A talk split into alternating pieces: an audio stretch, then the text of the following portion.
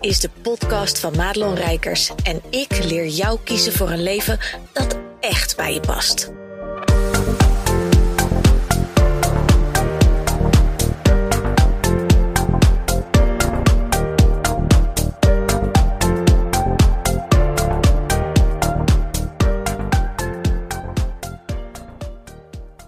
Hey, welkom bij weer een nieuwe podcast. En in deze podcast ga ik iets met je delen over wat ik onlangs heb gedaan met mijn gezin.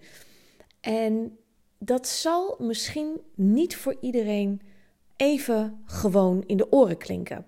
En dat is precies de reden waarom ik het in deze podcast wilde delen. Zoals je misschien wel of niet weet, volg ik al een tijdje een opleiding mediumschap. En dat is een jaaropleiding waarin uh, de basics eigenlijk van het mediumschap worden geteacht. En dat betekent dat ik natuurlijk na dit jaar ook weer door kan groeien. En ik denk heel eerlijk dat ik dat ook ga doen, want ik vind het echt te tof. Um, maar die jaaropleiding die wordt gegeven door Carmen Vreeburg. En zij zit in Amersfoort. En zij heeft dus, en dat vind ik zo tof van haar... zij had dus ook een heel erg gevoel van... ik wil iets doen voor mensen, ik wil dat gratis doen. En zo doet zij dus elke maand spirituele vieringen in de, ik meen de aula van het Eemklooster. Super tof gebouw, daar hebben wij ook de lessen. Um, en die spirituele viering, dat is gewoon een bijeenkomst. En daar gaan dus uh, healers en, en um, uh, mediums uit andere jaren, die wat vergevorderder zijn, die gaan daar dus readings geven, healings doen. Um, en dat allemaal bedoeld voor mensen om gewoon aan te mogen en te kunnen haken om steun en troost en liefde te ontvangen. Nou, het is echt ik hou ervan. Je weet misschien natuurlijk nog wel dat ik in 2021 het No Sales Event heb georganiseerd. Wat ook iets was wat, wat, wat ik echt vanuit mijn tenen voelde. Waarvan ik ook dacht: dit moet gratis, dit moet voor iedereen toegankelijk, dit moet groots. Uh, dat. Om echt die liefde te delen. En heel vaak heeft liefde natuurlijk een beetje een soort mushy-mushy sausje eroverheen. Dat je denkt: liefde. Ik vind zelf eigenlijk ook een kutwoord. Maar bij gebrek aan een beter woord is dat wel het woord wat, er, uh, wat je voelt. En het mooie is dat met die mediumopleiding, en ik zal niet al te veel in de details treden hoor, als je dat leuk vindt om eens over te horen, DM me dan vooral. Maar er bestaat eigenlijk bestaat mediumschap uit twee dingen: het psychometriedeel en het mediamieke. Waarbij psychometrie is echt informatie lezen van de ander, wat, wat een beetje uit je energieveld komt. Hè?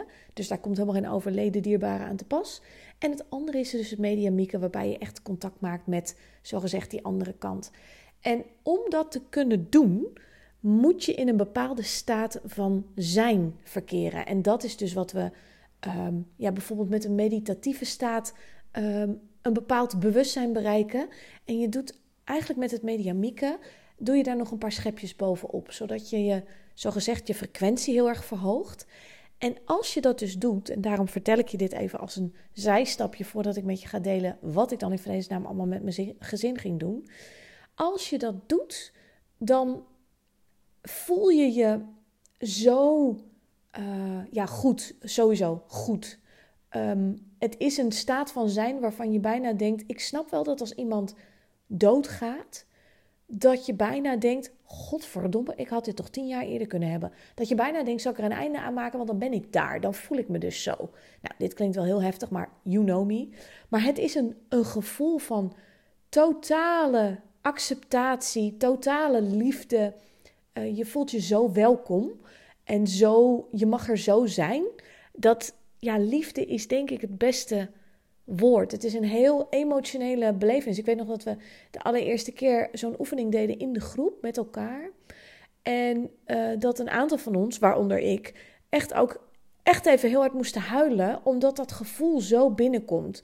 Waarom? Omdat ondanks dat ik een heel leuk leven leid en, en heel liefdevol, me heel liefdevol voel en welkom voel in mijn gezin en, en bij de mensen om me heen, um, is het een heel andere staat nog van bewustzijn. En, en gewoon niet te bevatten met je menselijk brein. Nou, moet je ook niet te lang bij stilstaan. Want uh, alles wat je te veel overdenkt, gaat gewoon kapot. En dat is wel waarheid als een koe. Nou, dat even als side note. Maar goed, die spirituele vieringen die ze dus organiseert, die zijn toegankelijk voor iedereen.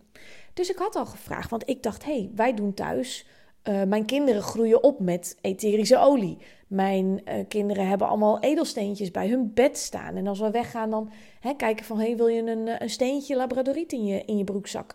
En, en dat doen wij gewoon. We nemen ze daarin helemaal mee. En ja, zij groeien op als zijnde dat is normaal. Nou weten zij ook wel dat hun vriendjes van school dat allemaal niet hebben. Maar dat is niet erg. Het feit dat zij als eerste, als mijn, mijn jongste bijvoorbeeld iets heeft, dan het eerste wat hij doet is naar me toe komen en zegt: Mam, ik heb dit of dat, heb je daar een olie voor? Nou, en dat, dat vind ik heel fijn om te kunnen doorgeven aan mijn kinderen, zodat ze eerst eens even kijken: hey, wat kan ik zelf al gewoon op een natuurlijke manier aanpakken?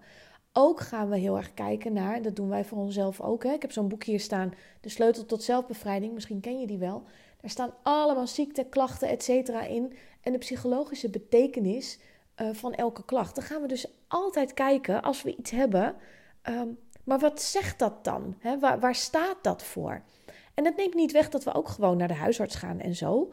Um, maar we gaan altijd eerst even kijken, hé, hey, maar wat zegt dit? Wat kunnen we zelf doen? Gaat het dan weg? Nee, dan gaan we wel naar de huisarts. Nou, het feit dat ik mijn kinderen dat mee mag geven, dat voel ik me zo bevoorrecht. En het is niks anders dan oude kennis die gewoon verloren is gegaan in de generaties. En zo ben ik bijvoorbeeld vroeger met mijn moeder. Mijn moeder was ook altijd bezig met spiritualiteit. Uh, uh, en dat was al voordat mijn stiefvader overleed hoor. Dat, dat, was, dat was gewoon een interessegebied al. En daarna was het natuurlijk helemaal omdat hij dan aan de andere kant was, zeg maar. Maar ik kan me nog heel goed herinneren dat wij ook naar avonden gingen waar bijvoorbeeld foto's gelezen werden, et cetera. Dat soort dingen. En dat ik dat fascinerend vond. Uh, tegelijkertijd heeft het later ook gezorgd voor dat ik er een enorme afkeer van had. Omdat mensen die zich in die tijd ook met dat soort dingen bezig hielden, ook een hele lelijke kant hadden. En aangezien ik eigenlijk altijd alles zie en voel, um, is daar in mijn brein heel lang een link gelegd van ja, maar als je dus spiritueel doet, dan ben je ook nog een slecht mens. En dan troggel je mensen geld af en dan steek je ze ook nog een dolk in hun rug, spreekwoordelijk dan. Um, dus, dus daar zaten geen oprechte, liefdevolle intenties in. En, en dat heeft dus heel lang gemaakt dat ik daar ja, lang, echt voor weggerend ben, zeg maar. Voor zulke mensen. En dat zeg ik met alle liefde hoor, want zulke mensen, dat waren gewoon hele slechte mensen in die tijd. Um, maar dat ook weer even terzijde. Dus die spirituele viering, toen ik hoorde van hé, hey, dat is toegankelijk voor iedereen. Op een zondag is dat altijd van, ik meen 11 tot, tot 1, dus ook niet super lang. Ik zeg, goh, is dat ook voor kinderen? Ik denk, ik vraag het even, want ja, voor mij is dat heel normaal, maar misschien voor, voor hun niet. Ja, natuurlijk kon dat ook. Kijk, mijn kinderen zijn op het moment dat ik deze podcast opneem en, en dat we laatst bij die viering waren, zijn ze 8 en 12. Het zijn mijn kinderen. Dus mijn kinderen die, nou ja, zijn qua wat ze kunnen begrijpen, wat de interesses, uh, zijn ze misschien wat anders dan leeftijdgenoten. In ieder geval wel hier in de regio. Um, dus ja, zo gezegd, zo gedaan. Ik heb mijn hele gezin meegenomen, mijn moeder mee, mijn man mee. En wij zaten pontificaal eerste rij bij die viering. En dat was zo mooi, want um, daar, ging dus, daar ging dus een medium ging, ging spreken. En zij heette Janneke. Hele leuke krullenkop had ze ook. Een leuk, leuk mens, ook fijne energie. En um, een van de dingen die er gebeurde, was al dat de beste vriendin van mijn moeder, ja, dat is een nogal volhardende vrouw, die openbaarde zich dus weer. Ik heb daar volgens mij in een eerdere podcast ook al iets over gedeeld. Um, en dat vond ik zo fijn. En mijn kinderen hebben dus die hele viering, hè, want het nou ja, er, er, kwamen nog wat, wat healings tussendoor, waar mensen op stoelen konden zitten, kon je gewoon zitten en een healing ontvangen van de persoon achter de stoel. Uh, er is nog iemand geweest die, uh, um, um, uh, hoe heet het, een, um, een reading heeft gedaan voor, voor de groep. En mijn kinderen hebben ademloos twee uur lang zitten luisteren op ja, een klapstoel eigenlijk, naar wat er gebeurde. En, en niet alles hebben ze helemaal kunnen begrijpen, maar ze waren wel gefascineerd. En, um, en ik raakte op een gegeven moment ook geëmotioneerd. En mijn oudste die ging zo helemaal lekker tegen me aanhangen, weet je wel. En kreeg ik een knuffel van. En um, ik zei ook tegen hem, ik ben echt oké. want het laatste wat ik wil is dat hij denkt dat hij voor mij moet zorgen. Um, dat, dat hij mij moet dragen. Want mijn kinderen zijn ook super gevoelig. Dus ik, als ik huil, ik, ik wil heel graag laten zien dat ik ook verdriet kan hebben. Dat moeders niet alleen maar een soort mechanische zorgsysteem zijn, maar hoe ik daarmee omga. En wat ik altijd doe, is ze ook weer meenemen in: ik heb nu heel veel verdriet, ik moet heel hard huilen. Dat, dat hoef jij niet op te lossen, want het komt allemaal goed. Hè? Maar ik voel dat gewoon en dat begrijpen ze ook wel.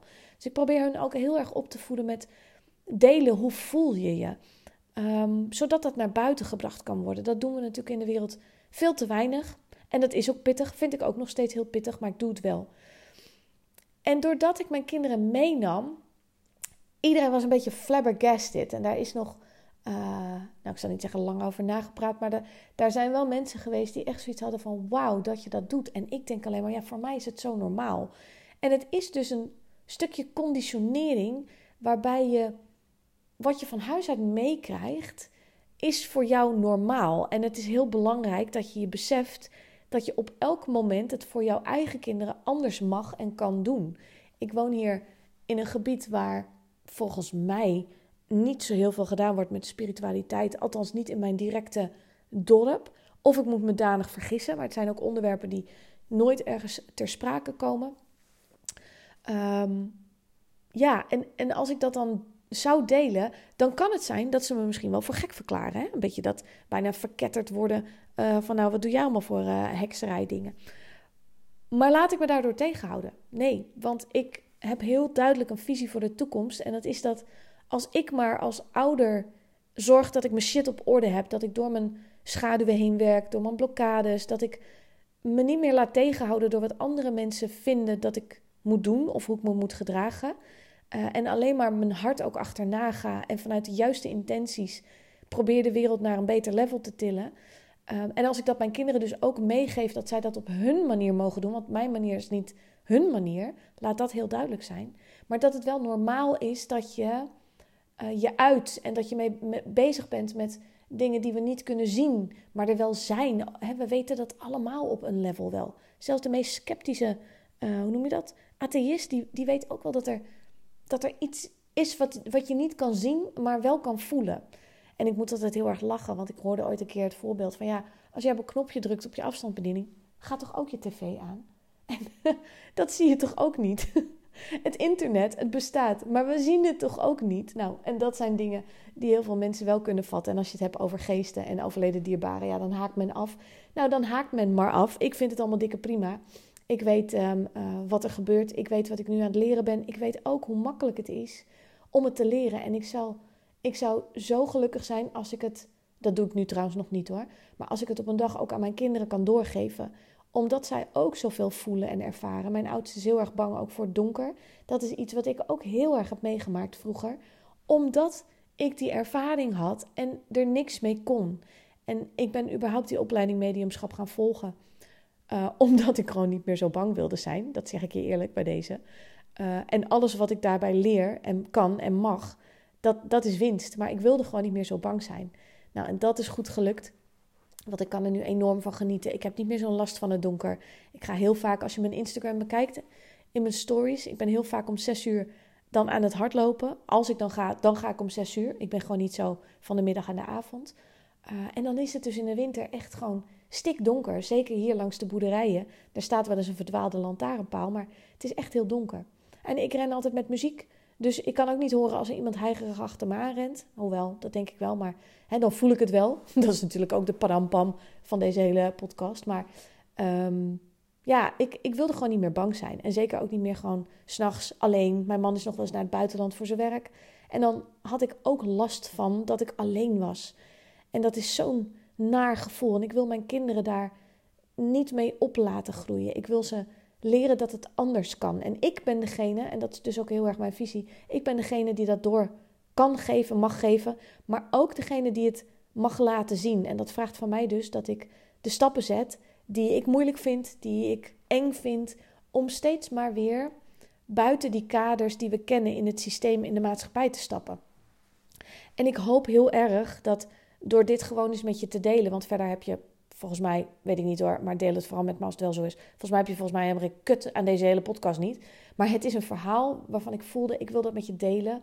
Zodat je kan zien dat het niet erg is als je gekke dingen doet die je familie niet begrijpt. Die je buurtgenoten niet begrijpen, die je vrienden niet begrijpen. Als jij een visie hebt, een, een doel hebt, een wens hebt, hè, of verlangen wordt het ook vaak genoemd. Ga daar dan gewoon voor. Doe gewoon je eigen ding, want het levert zo ongelooflijk veel moois op. En ja, dat wilde ik gewoon vandaag met jou delen. Dus dank je wel voor het luisteren. Goed dat je luisterde naar deze podcast. Wil je meer van mij weten? Check dan snel mijn Instagram of kijk op www.madelonrijkers.nl.